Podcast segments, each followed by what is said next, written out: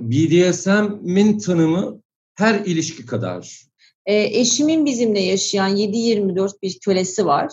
Bizimle birlikte yaşıyor. Ben uyandığım zaman uyanıyor. Ben uyuduğum zaman veya ben istediğim zaman uyuyor. Hayatının tüm kontrolü, hayatının her aşaması, sağlığı da, eğitimi de, giyimi de e, tamamen benim kontrolümde. Haz bulutuyla o kişiyi alıyoruz bir çamur gibi ve ona bir şekil veriyoruz. Yaşamadığın hazzı ve acıyı da yaşatamaz. Adına da derler seks. Seks, seks, seks, seks. Merhaba arkadaşlar ben Özgür Uysal. Adına da derler Seks podcast yayınlarımızın ilkini gerçekleştiriyoruz. Herkese göre bir cinsel yaşam var diye yola çıktık. Gerçekten birbirinden ilginç konular işleyeceğiz. Ve ilk konu olarak BDSM'yi seçtim. Şimdi BDSM ne kısaca bilmeyenler için söyleyeyim. Bondage disiplin, dominance, submission, sadism and masochism. Yani bu İngilizce kelimelerin kısaltılmış biraz da harflerinden çalınmış bir şemsiyesi. Nedir peki BDSM? Yani Türkçesi içerisinde bağlama, e, sahip, sahibelik veya acı çektirme veya acı çekmekten zevk alma erotik uygulamalarının olduğu bir kültür. E, ve bunu konuşmak için e, bu kültürü en iyi şekilde gerçekten uygulayan yıllardır da hatta e, BDSM kültürü.com sitesinde devam ettiren e, bir çiftle konuşacağız. E, Anon ve Jonet eşi bizlerle birlikte.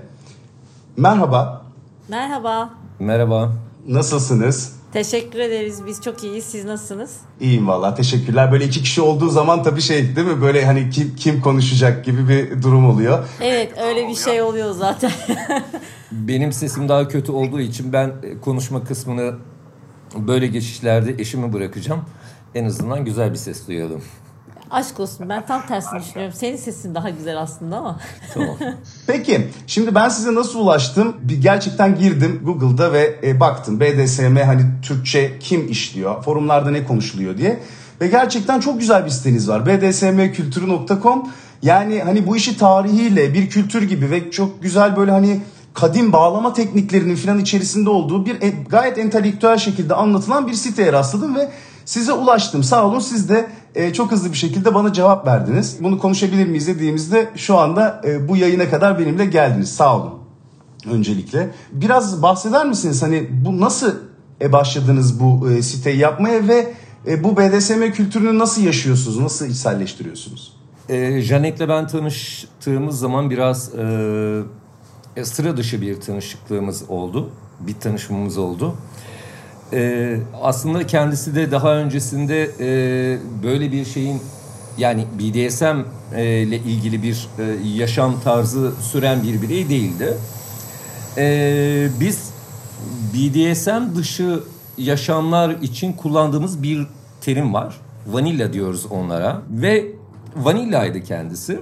Ee, benimle tanıştıktan sonra tabii hayatında biraz değişiklik oldu. Epeyce değişiklik oldu.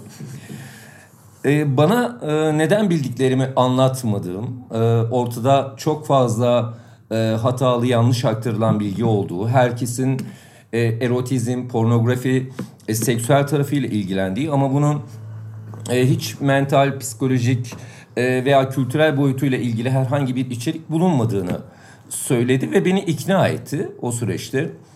Ee, 1917 yılın şey 2017 yılının e, Ekim ayında biz başladık. O günden bugüne kadar yayın hayatına devam ediyor. Arada sırada düzenli olarak sosyal buluşmalar yapıyor. Bu e, şekilde e, fetişleri, e, arzuları veya eğilimleri olan insanları bir araya getiriyor.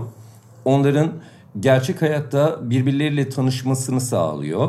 Tabii bunları yaparken bu bireyleri e, pek çok kritere göre e, elemek gerekiyor. Çünkü takdir edersiniz ki çok fazla e, farklı amaçlarla bulunmak isteyen insanlar da var.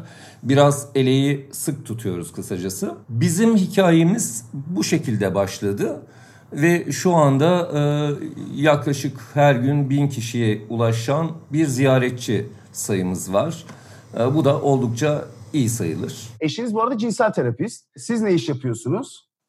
Ben bilgisayar mühendisiyim. Siz kendi içinizde bunu nasıl e, uyguluyorsunuz? E, nasıl e, bir e, yaşam tarzınız var? Onu da ben bir kısaca özet geçeyim. Şimdi şöyle, mesela ben ilk eşimle tanıştığım zaman e, evet BDSM'nin varlığından haberdardım ama nasıl bir şey, nasıl bir kültür, e, tam olarak hayata nasıl bir e, entegre oluyor bunu gerçekten anlamlandıramıyordum o dönemler.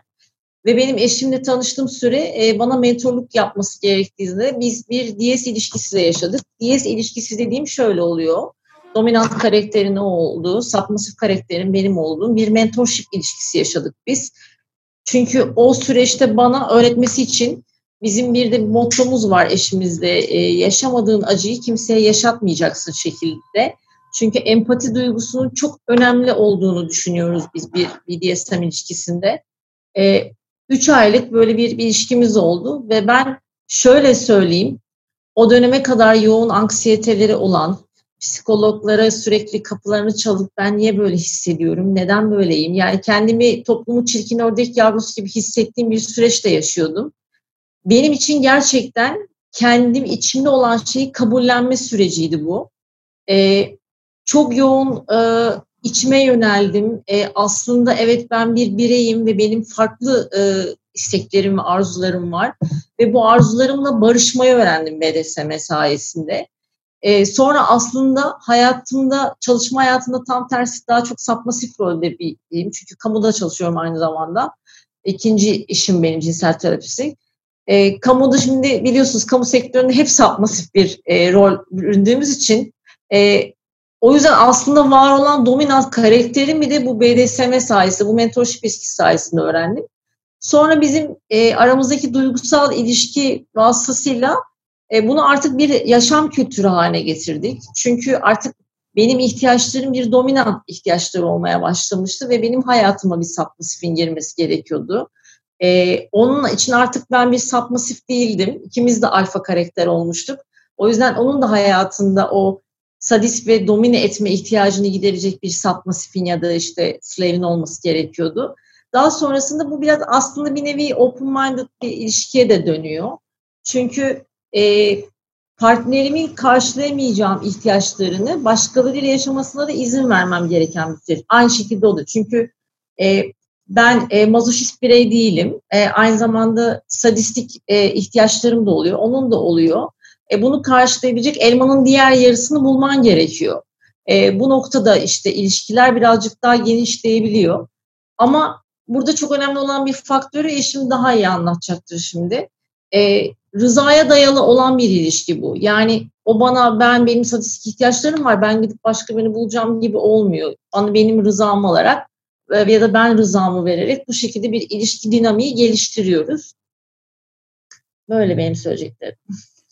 E, vallahi çok güzel. Yani çok da tabii e, teknik de e, anlatıyorsunuz aynı zamanda ve de hani işin psikolojik tarafını da anlatıyorsunuz ve gerçekten burada bir e, rıza ilişkisinin de olması gerekiyor. Onu da doğru söylüyorsunuz. Çünkü hani hep böyle insanların kafasında bir bir pornografik bir şey var. Sürekli hani BDSM'yi genel olarak bir hani pornoda sürekli böyle acı çektirilen, zorla kendilerine bir şeyler yaptırılan insanlar gibi algıladığımız için hani böyle bir bir kapalı kutu, bir karanlık bir dünya gibi de oluyor. Siz böyle psikolojik tabii anlatınca hani e, işin altyapılarını da aslında e, anlamış oluyoruz. Peki nedir o işin ince ayarı? Yani e, hani seviyeleriniz, e, geldiğiniz nokta, yaptığınız pratikler neler mesela?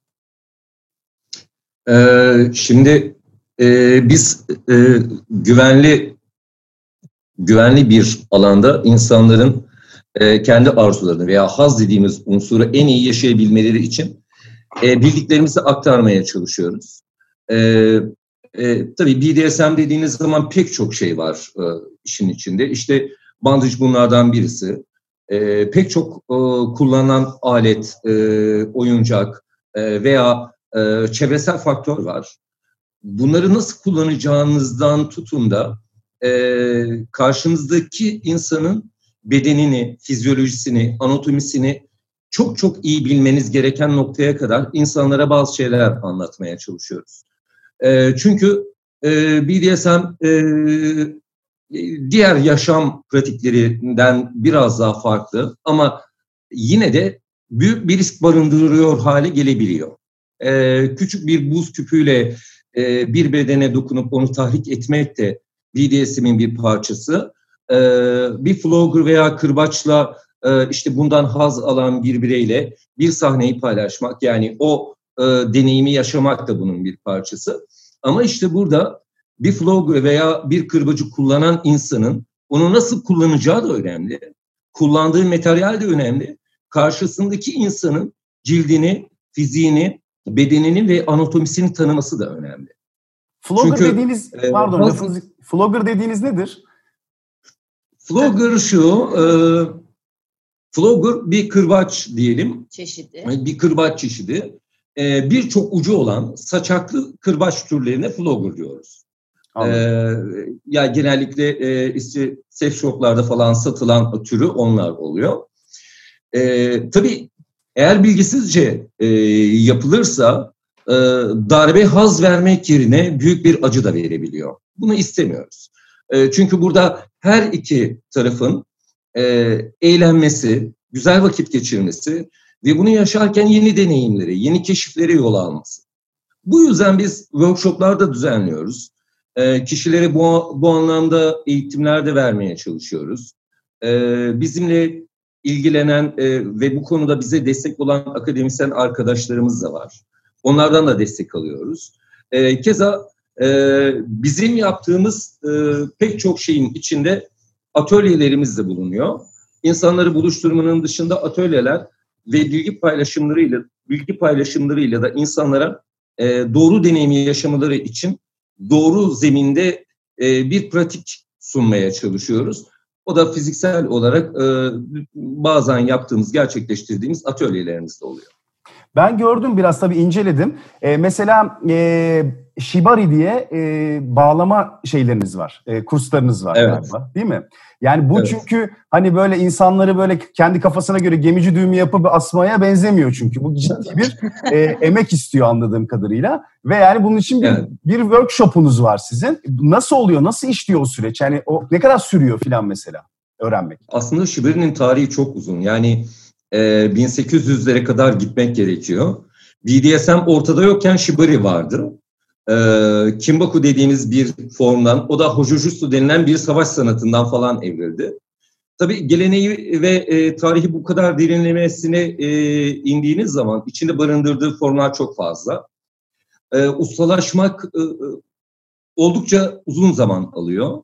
Ee, ben dönem dönem kesintili olmakla birlikte bir 15 yıllık bir geçmişim var. 15-20 yıllık bir geçmişim var Şibari ile. Ee, ve bu atölyelerimize katılan kişiler 8 aşamalı bir eğitimden geçiyorlar. Ee, toplamda bu süre 200 saate kadar ulaşıyor. 200 saat sonunda e, gerçekten e, artık güvenilir e, ve e, kusursuza yakın bir bağlama e, gerçekleştirebilecekleri sahneler, performanslar gerçekleştirebiliyorlar. E, mesela yarın da bir e, eğitimimiz var. İkinci seviye eğitimi. 4 saat sürecek. E, buraya kadar yani ikinci seviyeye gelen kişiler aslında ikinci seviyeyi 3-4 kez tekrarlamak da zorunda kalıyorlar. Çünkü üçüncü seviyeye geçirmiyoruz. Oradaki pratikleri eksiksiz yapmadan. E, durum bundan ibaret. E, kısacası oldukça e, meşakkatli iş Shibari dediğimiz kısım. Çünkü Shibari BDSM'den çok daha geniş ve çok daha derinlemesine bir konu. Siz hep e, dominant mıydınız? Yani hani hep e, hükmeden o sahip e, karakter miydiniz? Yoksa ne, ne kadar zamandır e, böylesiniz? Ya da e, ne kadar zamandır bunu tatbik ediyorsunuz? Öyle söyleyeyim. Yani e, ben aslında üniversite yıllarında başladı bu. Çok agresif ve e, döneminde bize getirdiği e, olanaklar sebebiyle e, oldukça e, kavgaya müsait bir e, konjöktür vardı. E, tabii bu konjöktür içinde siyasi eylemlere katılan, öfkesini e, bir şekilde e, o alanda değerlendiren, yansıtan bir bireydim. E, beni e, birisi keşfetti diyelim e, içimdeki öfkeyi başka bir şekilde e, bir nevi aslında BDSM'e baktığınız zaman BDSM bir mindfulness olayı. Yani e, o farkındalığı yakalamanız gerekiyor. Kendinizle barış, barışık olmadığınız sürece kendinizle sürekli savaşmaya devam edersiniz. E, bizim olayımız biz kusurlarımızı kabul ediyoruz. buna kusur deniliyorsa biz bunları kabul ediyoruz. Ne olup ne olmadığımızı da biliyoruz. E, zaaflarımızı da biliyoruz. E, bendeki bu e, durumu keşfeden e, ve bana e, bunları anlatan kişi o zaman benden 15 yaş kadar büyüktü ve ben daha 22 yaşındaydım. Şu anda 47 yaşındayım. O gün bugündür e, ben BDSM'le e, hayatımın içinde, akışında sürekli birlikte oldum. E, ve evet ilk başladığımda e, ben de bağlanan taraftaydım. Yani e, batındım, yani submasivdim, itaatkardım. E, şimdi benim bu hikayemi bilmeyen pek çok kişi BDSM dediğimiz camiada e, Şaşıracak.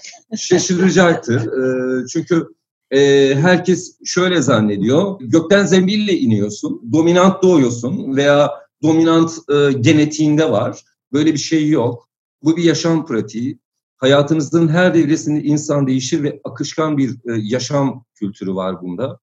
E, her şeyi denesinler istiyoruz. Hiçbir şeyden gocunmasınlar ve çekinmesinler. Çünkü dediğimiz gibi bu eğlenceyle e, ve hazla yapılacak bir şey ancak. Evet, e, ben e, bir itaatkar olarak BDSM'deki hayatıma başladım. Daha sonra kendimi keşif sürecinde ne olduğumu ve ne olmadığımı anladım ve bu oldukça uzun bir süreç oldu Evet. benim için. Janet mi diyeyim, Jönet diyorum Evet, ben. evet.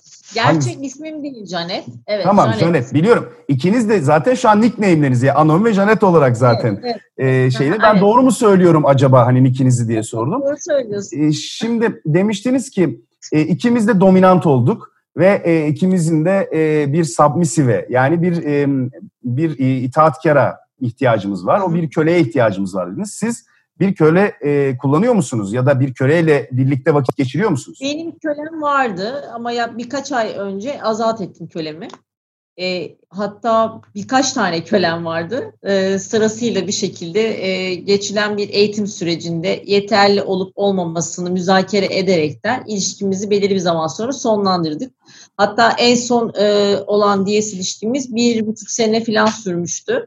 E, artık e, sosyal anlamda hem çok beni yoruyordu iş hayatımla birlikte. Çünkü bizim eşimizle DS ilişkisine bakış açımız şey, bir çamuru alıp ondan heykel yaratmak gibi düşünün.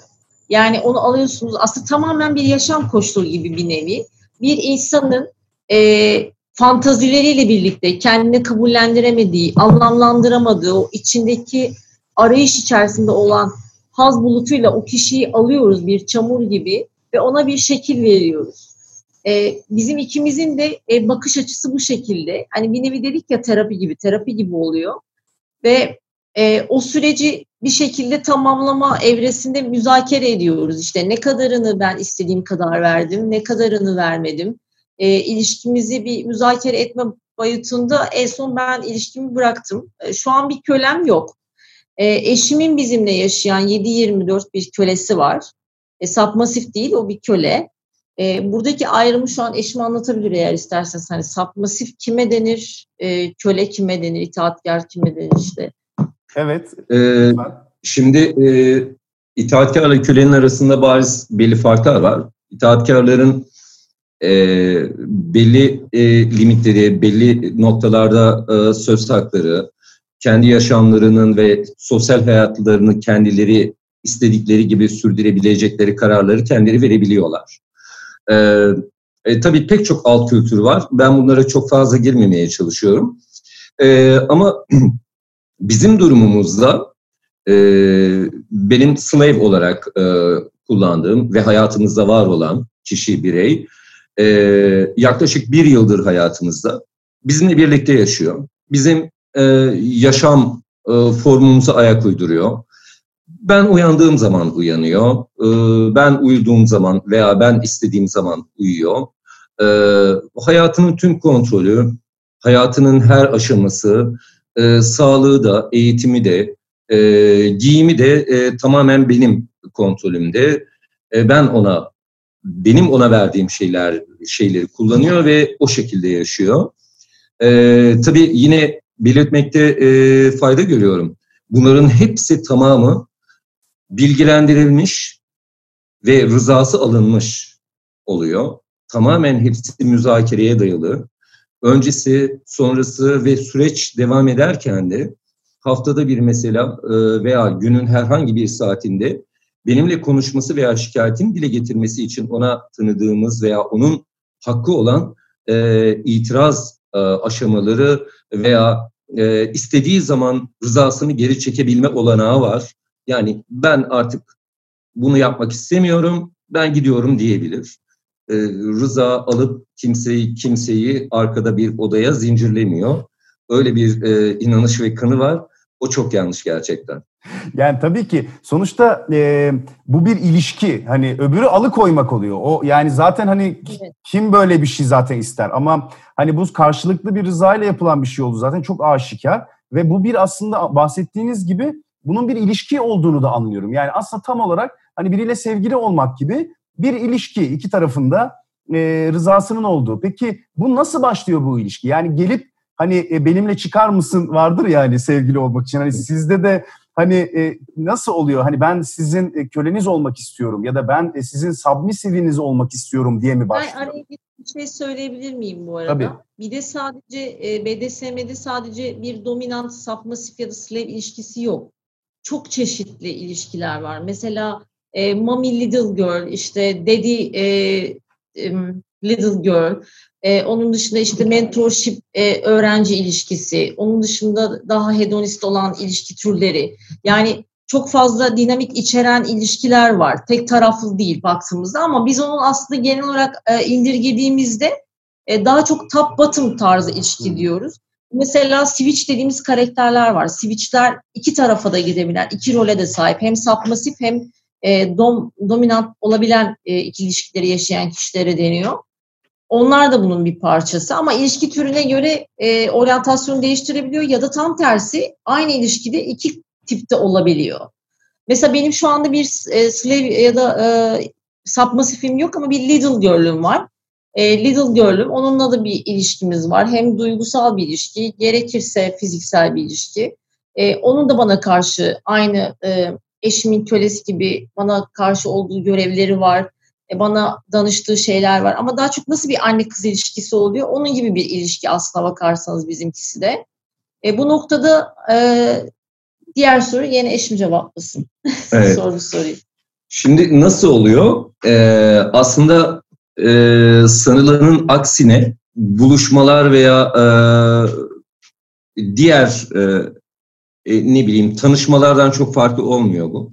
İnsanlar bir araya geldiklerinde veya sosyal medyadan e, işte herhangi bir profili takip ettiğiniz zaman ilgi alanları neyse e, işte vanilla bireyler nasıl e, birisinden hoşlandığında karşı tarafa yazıyorsa bizim profillerimizde de şu yazıyor. Mesela ben e, işte dominantım ama benim ana arketipim bu olmasına rağmen yani ana çatı bu olmasına rağmen ben aynı zamanda sadist ve rigor yani bağlayan dediğimiz e, kişiyim. E, benim profilime geliyor birisi bakıyor. Aa diyor ki tamam ben bağlanmaktan çok hoşlanıyorum. Bu da bağlamaktan hoşlanıyormuş. Birinci uyum sağlanıyor. Evet ben itaatkarım. Dominant karşımdaki. A, tamam güzel. E, buradaki e, rollere göre bir eşleşme oluyor. Bireyler bir araya geliyor. Munch dediğimiz sosyal buluşmalarımızda işte az önce bahsettiğim o sosyal buluşmalar güvenli bir tanışma platformu. Bu platformda yüz yüze gelip konuşup sohbet edip gerçekten birbirlerine uyup uymadıklarını anlıyorlar ve arzu ederlerse ilişkilerine başlayıp deneme süreçleri, sonrasının e, ilerleme süreçleri gibi süreçlere girebiliyorlar. Benim şu anda e, kölemle aramda olan ilişki de aynen böyle başladı. Önce sosyal medya üzerinde başladı. Daha sonra Manç'ta yani sosyal buluşmalarımızın birinde bir araya geldik. Oturduk, konuştuk. E, her şey yolundaydı. İyi bir eşleme sağlandı. E, ve karşılıklı olarak müzakere edildikten sonra ilişki devam etmeye başladı. Şu anda da hala devam ediyor. Peki bir mahsuru yoksa hem kafamda da canlandırabilmem açısından. Kadın er- kadın veya erkek mi acaba köleniz?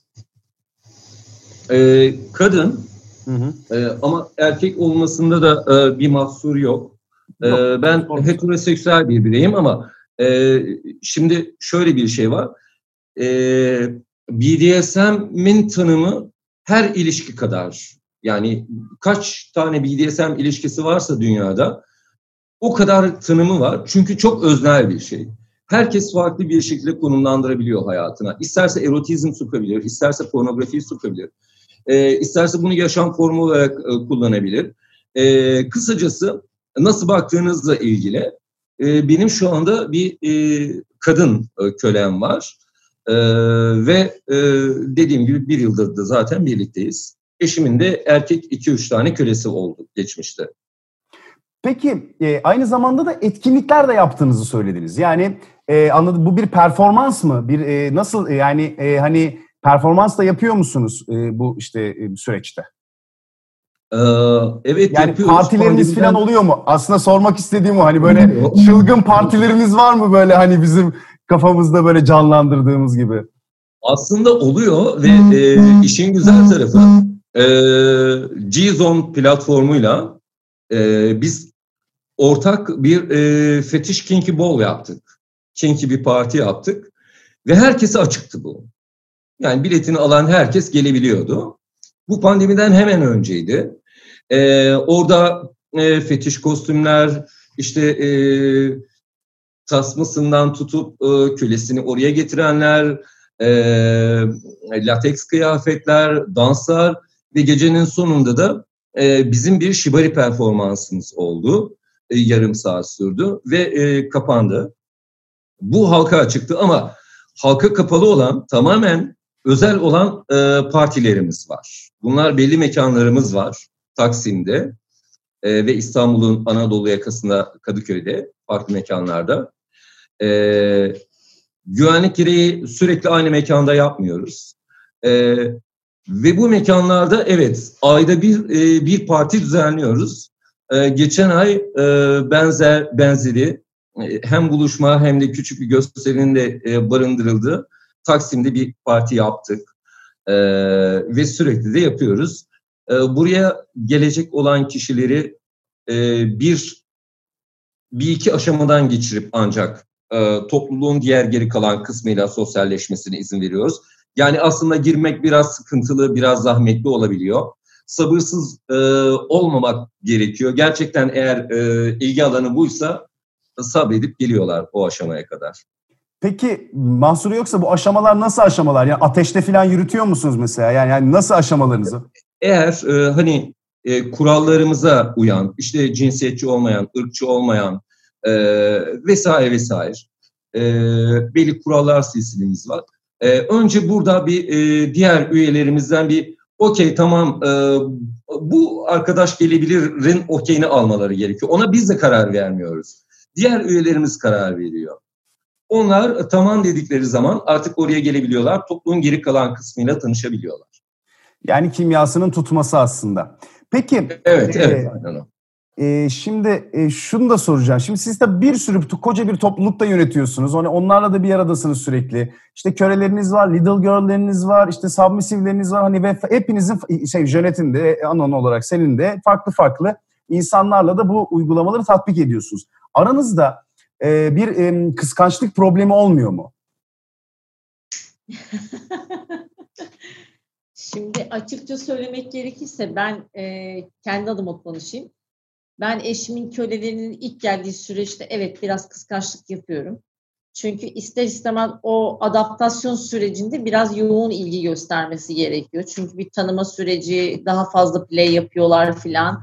Ee, ama aslında tabii kıskançlığın çok gereksiz olduğunu biliyorum. Çünkü eşimin beni e, çok büyük bir aşkla sevdiğini biliyorum. O DS ilişkisindeki bakış açısının çok farklı olduğunu da biliyorum ama o ilgiyi paylaşmak biraz evet beni kıskandırıyor ilk zamanlar ama sonra alışıyorum. ee, benim açımdan da evet e, zahmetli bir süreç oluyor. Kıskanıyoruz birbirimizi. E, bu da doğal bir süreç aslında. Çok da tartışıyoruz. Kavga ettiğimiz zamanlar da oluyor. E, Bazen bu çok tahrik edici de oluyor bu arada. e, evet. E, bunların hepsi sürecin de bir parçası. E, kendimiz de sürekli yeni e, yeniden tanıyormuşuz hissi de oluşuyor. Bu anlamda kavgalarımızı da seviyoruz. E, onlar da bizim bir parçamız diye kabulleniyoruz onları da.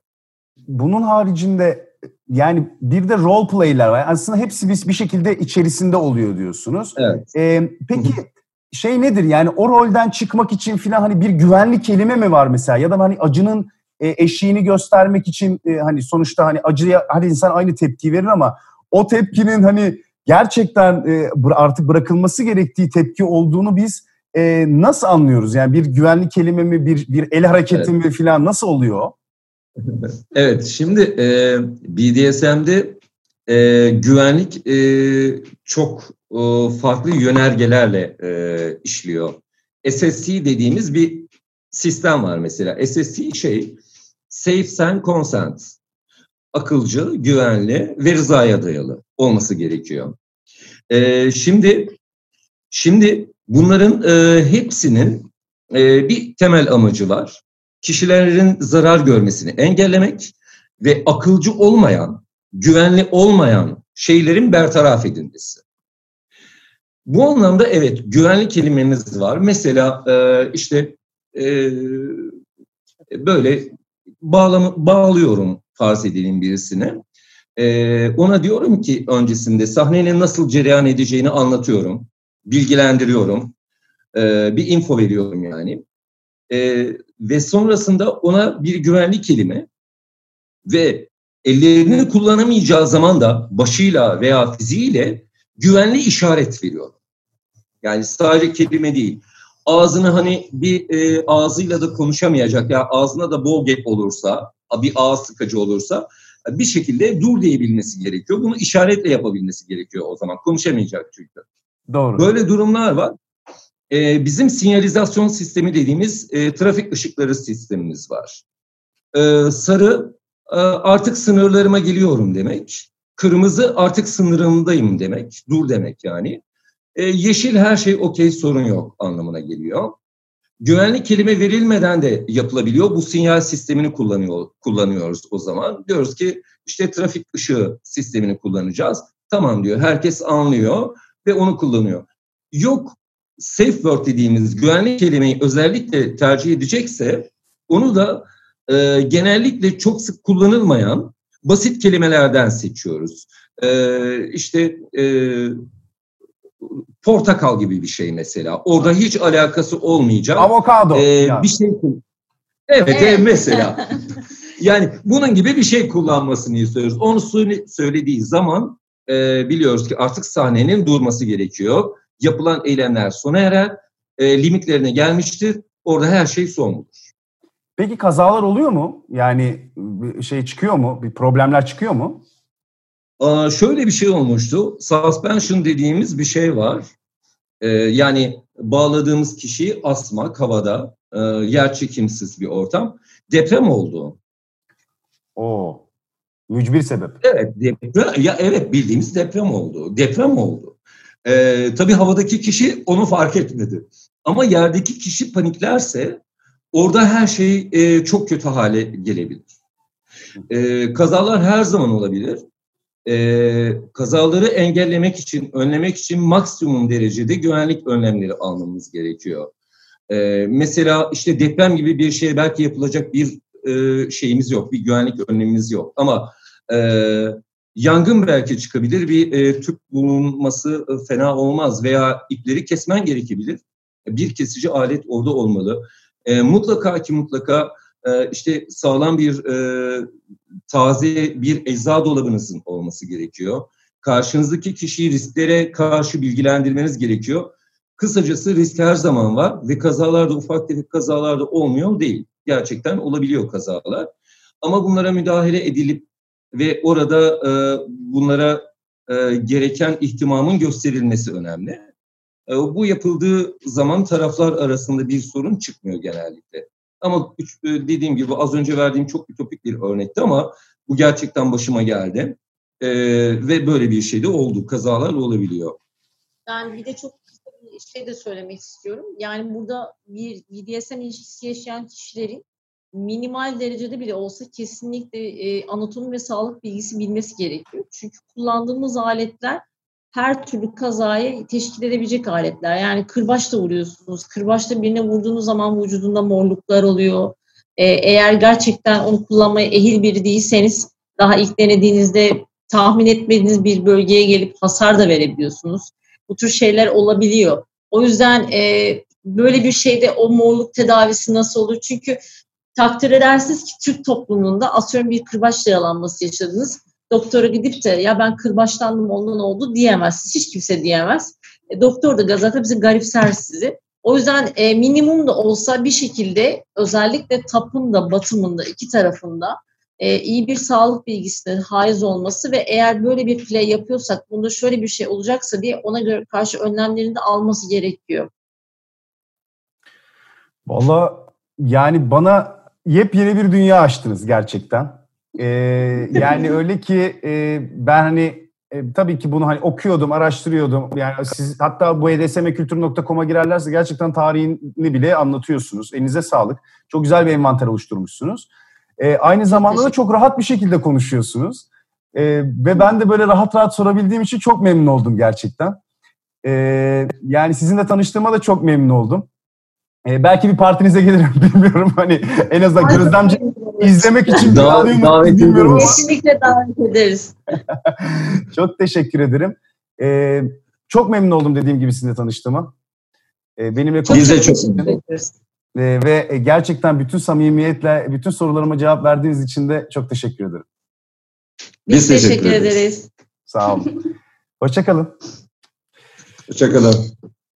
Evet arkadaşlar yayınımızın sonuna geldik. Eğer bir sorunuz varsa bize lütfen ulaşın ve de bdsmkültürü.com'dan da istediğiniz gibi soru sorabileceğinizi orada da öyle bir e, topluluk olduğunu da unutmayın. Görüşmek üzere. Sevgiler. Adına da derler seks. Seks, seks.